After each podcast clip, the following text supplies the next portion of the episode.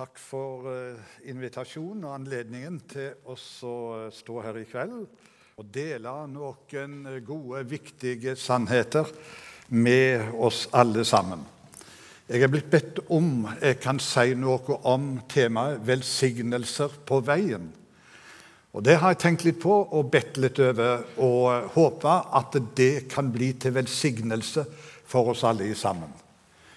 Og nå er det sånn med dere, mange av dere som ser meg, en gammel mann som skal tale her i kveld. Og da vet jeg det at eldre folk de har veldig lett for å komme på viddene og prate seg vekk. Og spesielt når de skal fortelle noe fra sitt eget liv, så, så vil det ikke ende ta. Og nå skal jeg love dere én ting. Det var en gutt, sånn som så ei jente på alder med det, som sitter der borte så var med faren på møte.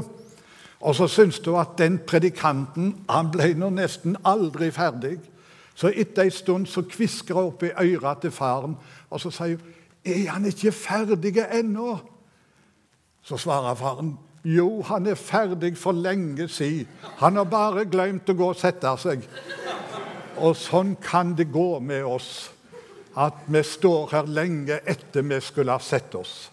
Men nå skal jeg prøve på at det ikke skjer.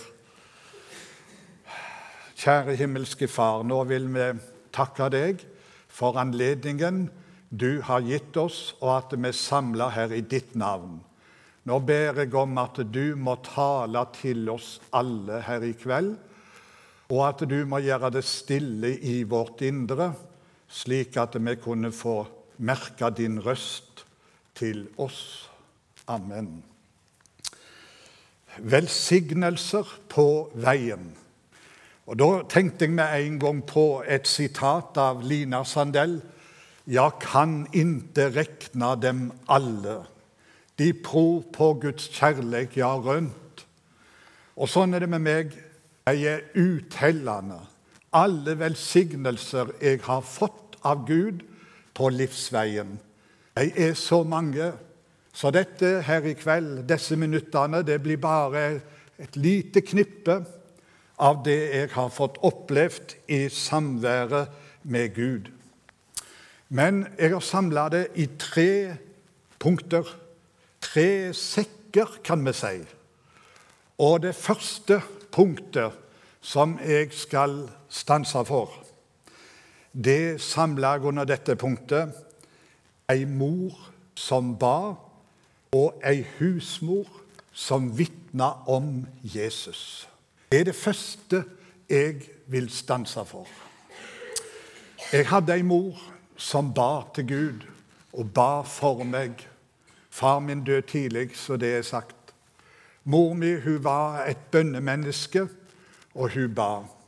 Men som ung gutt, som tenåring, så hadde jeg en veldig lyst til å gå der de andre kameratene gikk, og prøve livet. Jeg hadde jo klart for meg en kristen. Ja, det måtte jeg bli. Men ikke ennå. Det lå over meg dette med utsettelse. Jo, kristen, men seinere. Vent med det. Vent med det. Og sånn gikk jeg. Men jeg kjenner en lengsel i mitt indre, en lengsel etter det, som, det livet jeg levde ute i verden, med de som drakk av verdens brønner, for å si det sånn. Det var ikke livet. Det var ikke slik livet burde og skulle være. Og så gikk jeg med en lengsel. Og Der er en gammel, god sang som heter sånn Jeg hørte en lokkende stemme i ungdommens fagreste vår. Jeg hørte den tidlig der hjemme, og minnene enn for meg står. Sånn hadde jeg det. Og de minnene de står for meg fremdeles, denne lokkende stemme. Men nå skal du høre. Gud, han har mange veier og utveier. Når jeg var 18-19 år, så skulle jeg inn i militæret. Og den var det veldig strengt og vanskelig. Du fikk ikke utsettelse. Så jeg gikk noen måneder hjemme og venta på det for at jeg skulle inn der. Og Da det, skjedde det at det var en lærer i nabobygda eller et stykke vekke som ble langtidssykemeldt. Og så fikk jeg spørsmål fra skolestyreformannen, som det het den tid, om vi kunne være vikarlærer. De skulle ordne med kost og losji og alt i sammen. Og jeg hoppet på det. Det var en skolestyreformann som ikke hadde noe verken med kirka eller bedehus å gjøre. Men, men Gud, han styrer og bruker alle folk, og alle slags folk. Vet du hva han gjorde uten han visste det sjøl? Han ordna med kost og losji hos ei husmor som var nyomvendt, og som var full av vitnesbyrd om Jesus. Som vitna om Jesus. Og jeg hadde alle måltider på kjøkkenet hos den husmora. Og hun sto ved kjøkkenbenken, og hun fortalte om hva hun hadde opplevd, hva hun var frelst ifra og frelste til. Og det var så fantastisk for henne. Hun var så begeistra for Jesus. Det, det, hun kunne ikke la være å tie om Jesus. Og dette, hun, hun, gikk aldri på meg og sa 'Hvordan er det med deg? Nå må du bli en kristen, du òg.' Nei, det gjorde hun ikke. Men hun bare fortalte om seg, hva hun hadde opplevd, og hvor stort det var for henne, hva hun hadde opplevd. Og vet du, en kveld etter kveldsmaten så ble det der så sterkt for meg at jeg gikk opp på rommet. og Så bøyde kne ved en stol, og så sa jeg, 'Kjære Jesus, kan du frelse meg òg?' Og jeg vet ikke hva jeg opplevde eller ikke, men det var min første bønn. Den var kort, og det var ei frelsesbønn. Kan du frelse meg òg? Slik som hun der har opplevd det så skulle jeg inn i militæret straks etterpå. Og jeg var hjemme om noen dager. Men vet du hva som skjedde? Jeg tørte ikke å si det til noen at jeg hadde bøyd kne og ønsket å bli en kristen. Nei, jeg fikk ikke munnen opp, altså. Er du her som har problemer med å si noe og vitne og sånn? Sånn hadde jeg det. Jeg fikk det ikke sagt. Og så reiste jeg i militæret uten å si noe til noen om dette. Og kom inn der, og så tenkte jeg nei, dette går ikke. Jeg må få sagt noe om dette. Så tenkte jeg jeg skal skrive et brev til mor. Hvor skal jeg skrive det, og hva skal jeg skrive? Jeg hadde med meg en liten bok. Det var Nytestamentet og Salmenes bok. Det var gitt i ei bok der som det ofte er. Og så begynte jeg å ble der. Jeg må jo sende noe bibelord, eller hva det var.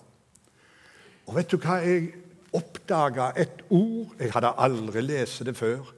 Og det var mitt første vitnesbyrd. Og det står i Salme 66 og vers 16 til 20. Salme 66, vers 16 til 20. Nå skal vi lese det. Det skrev jeg til humor, og det var mitt første vitnesbyrd som en kristen. Kom og hør, alle det som frykter Gud. Jeg skal fortelle hva Han har gjort imot meg. Min munn roper til Han, på tunga var det lovsang. Hadde jeg urett i sinnet, ville Herren ikke ha hørt meg. Men Gud har hørt. Han vendte øyra til mi bønn. Velsigna er Gud. Han la ikke mi bønn til side og tok ikke fra meg si miskunn. Og det var stort for meg. Og så tenkte jeg når jeg leste Og dette er jo akkurat meg. Og nå vil jeg be om at nå må dere komme og høre alle dere som frykter Gud, det må høre hva Han har gjort for meg og imot mi sjel. Ja, han er en bønnhørende Gud. Han hører bønner, korte bønner, Ufullkomne bønner, sånn som meg ved stolen der den kvelden. Det var ei kort, ufullkommen bønn, om en skal si det sånn. Men du, han hørte den. Han la ikke mi bønn til side og tok ikke fra meg si miskunn. Nå er mor mi Hun har flytta herifra for mange år siden.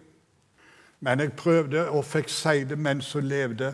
Takk for at du var vedholdende i bønnen og ba for meg.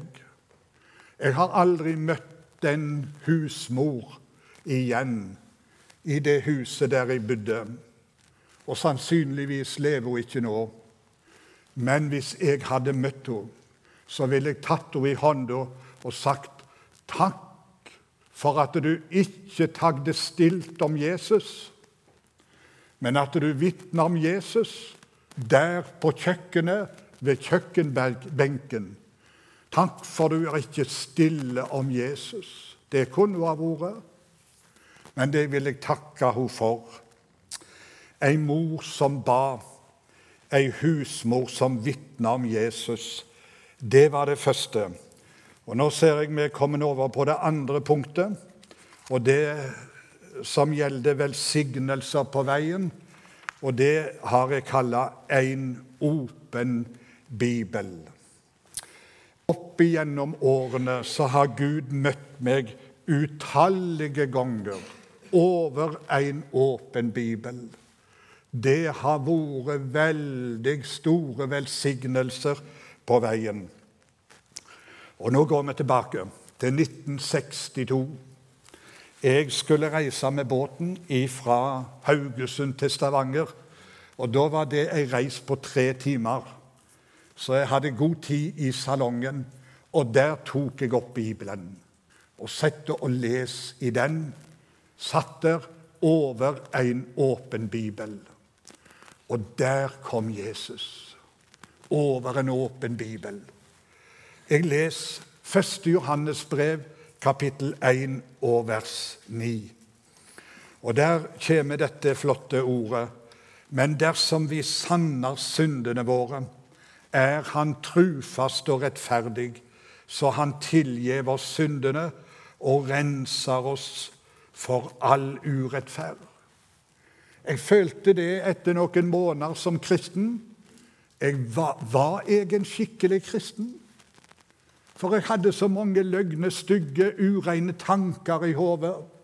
Og jeg sa så mye jeg aldri burde ha sagt, osv. Jeg synes ikke det var så stor forandring på meg ifra jeg ikke var en kristen, til sånn jeg levde nå. Det var så mye synd. Og så kom Jesus til meg gjennom det ordet. Det er ikke det som gjør deg salig om du ikke kjenner på synd og ikke har synda. Men det som gjør deg salig, det er at han tar bort de synd. Han tilgir de synd. Og så kommer det ifra vers 7.: Dersom vi vandrer i lyset, liksom Han er i lyset, da har vi samfunn med hverandre, og Jesu Guds sønns blod, det renser oss ifra all synd. Du, Når du bare lever der i lyset med hele ditt liv, da er du stadig rein selv om du har tusen ureine tanker i hodet, selv om du har sagt mange, mange ord du ikke burde ha sagt. Det bør vi jo beflitte oss på og ikke gjøre. Hviske med det. Men så plutselig så kom det noe som du ikke burde ha sagt. Men når du lever i lyset med dette, sier det til Gud, sier navnen synden med det navn den bærer. Det betyr å leve i lyset med det. Da har vi samfunn med hverandre, og Jesu Guds sønns blod, tenk det.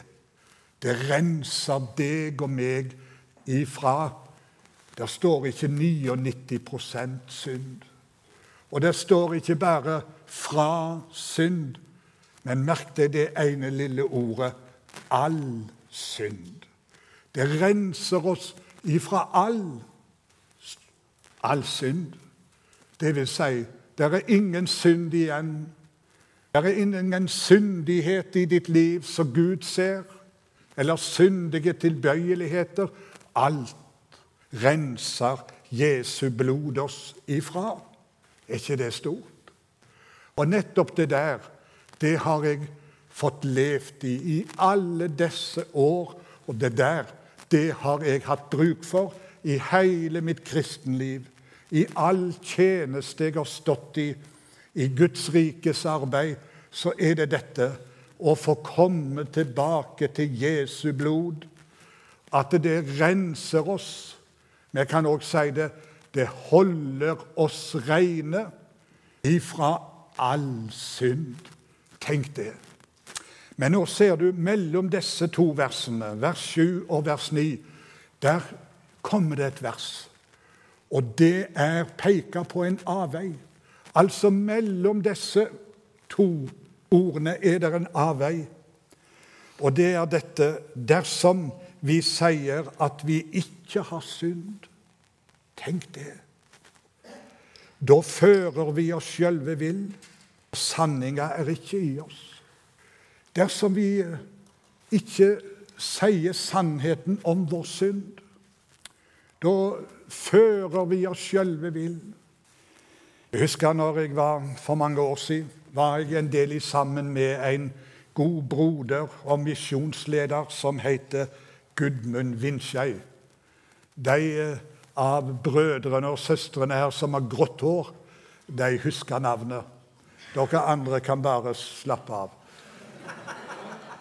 Men han fortalte en gang Jeg satt på stolen, og han sto og talte. Så sa han det at en dag så kom jeg i samtale med naboen min hjemme. Han bodde i Oslo. En nabo jeg hadde. Og vi kom inn på dette med kristne og ikke-kristne. Og hun var ikke en kristen, sa, eh, sa han. Men vet du hva naboen sa til meg? Jeg forventa ikke av en som er en kristen, at han er feilfri. Det regner jeg ikke med at han er feilfri. Men jeg forventer av en kristen at han er sann. Det forventer jeg. At han er sann og ærlig. Det forventer jeg av en kristen, og det forventer ordet her. Men det vil djevelen narre oss til og si at vi ikke har synd, feie det under teppet, slik som det står i vers 8 her. Da fører vi oss sjølve vill, står det, og sanninga er ikke i oss.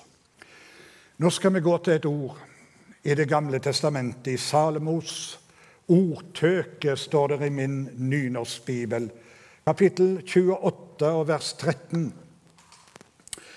Der leser vi den som skjuler syndene sine, skal ikke lukkast. Den som vedkjenner og vender seg fra deg, han finner miskunn. Tenk det. Der er en fristelse når noe har gått galt for oss i livet, og det gjør det ofte.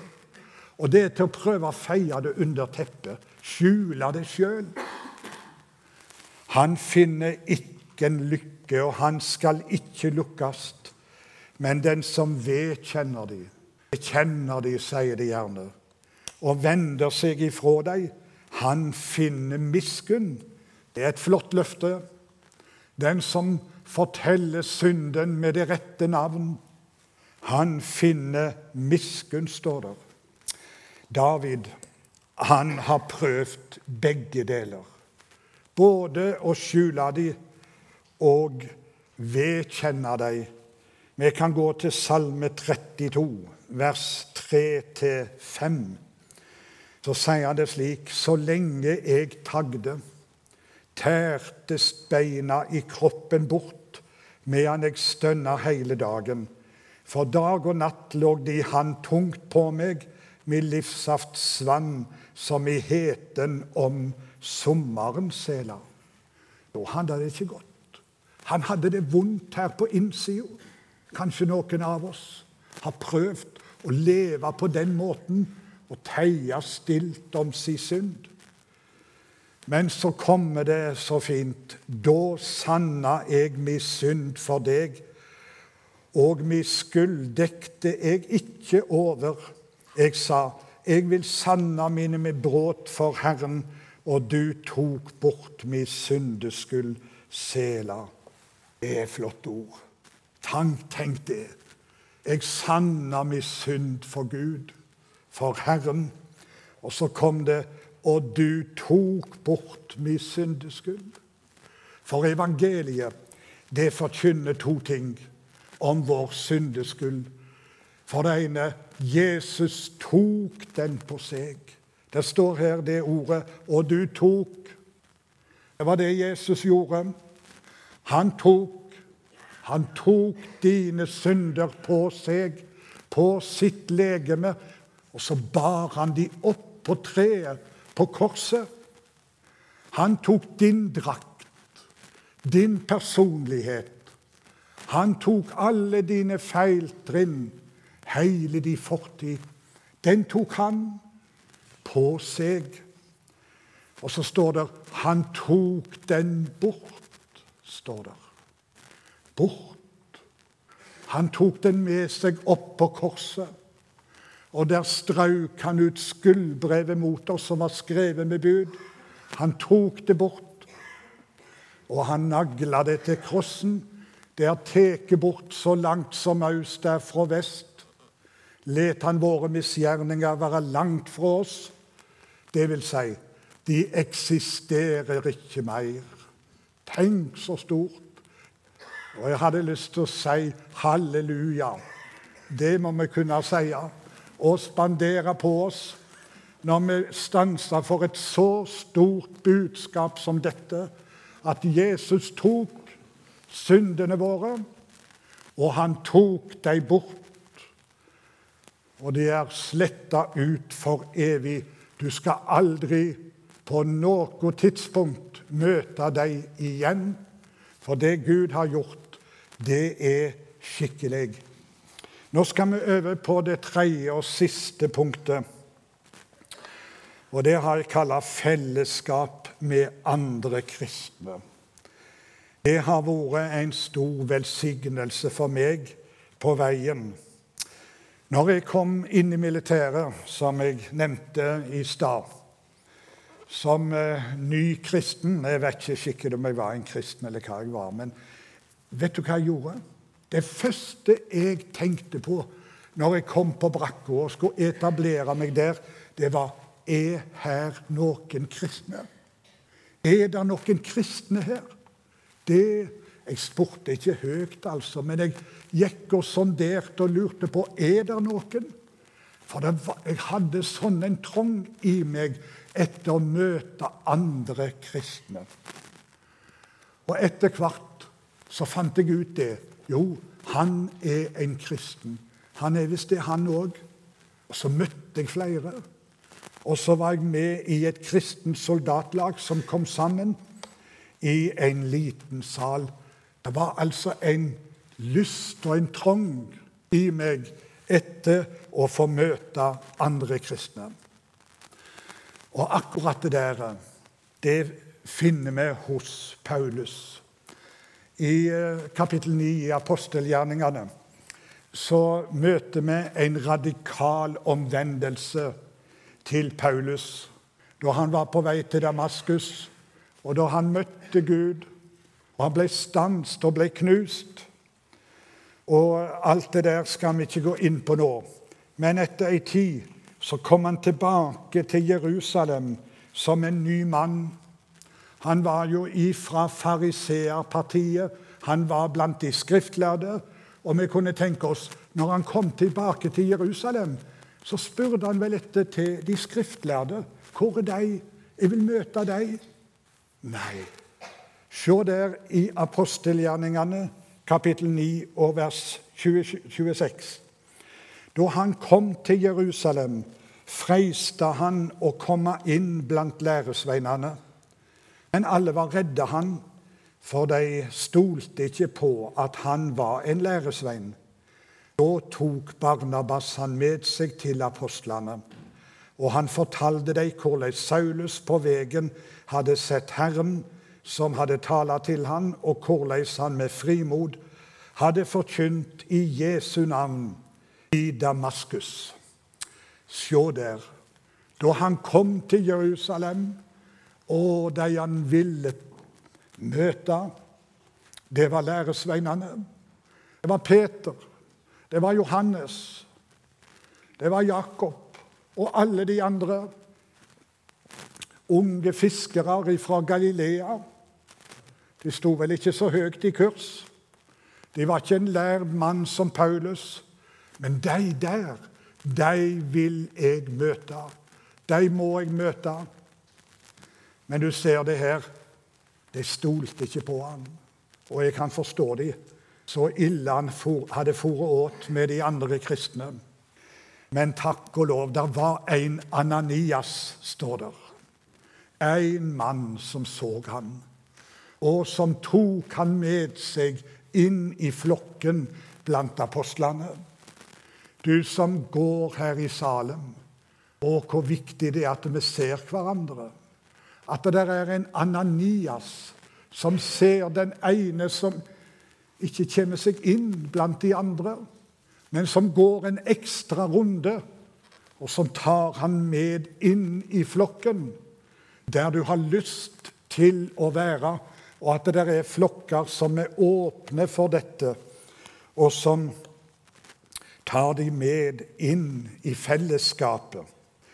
Så litt tilbake til mitt eget liv mot slutten. Jeg, I 1969 så fikk jeg kall til å begynne i misjon. Slutte av som lærer og gå inn i misjonsarbeidet i Misjonssambandet.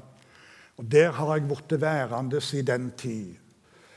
Så, etter kort tid, det var kanskje i 1970, så var jeg på et innføringskurs, eller hva det skulle hete, for unge arbeidere.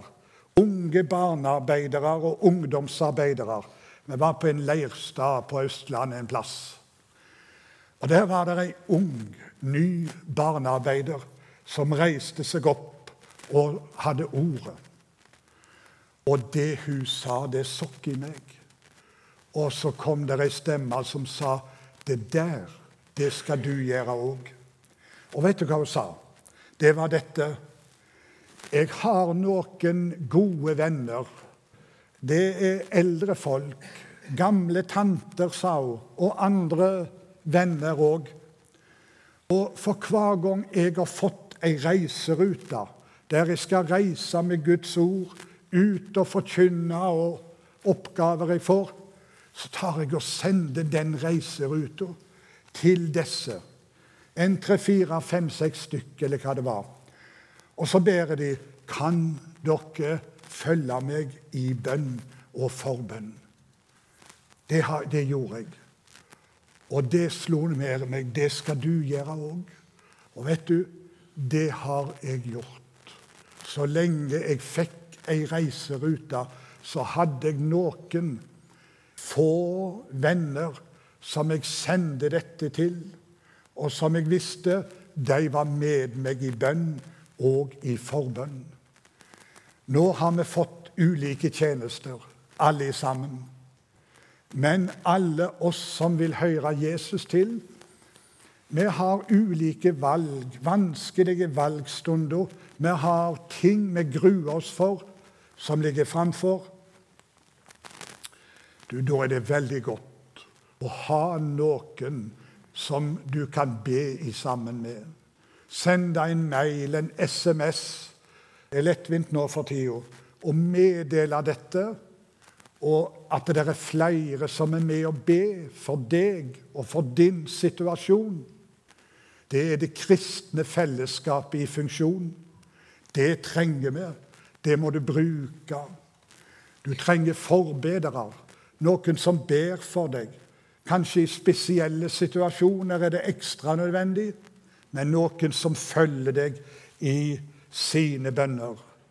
Så helt til slutt skal vi tilbake til Salme 66 og det 20. verset nå. Det skal være mine siste ord Velsigna er Gud. Han la ikke mi bønn til side og tok ikke fra meg si miskunn. Det sa jeg da når jeg leste, og det sier jeg i dag. Velsigna er Gud. Han la ikke min bønn til side og tok ikke fra meg si miskunn. Amen.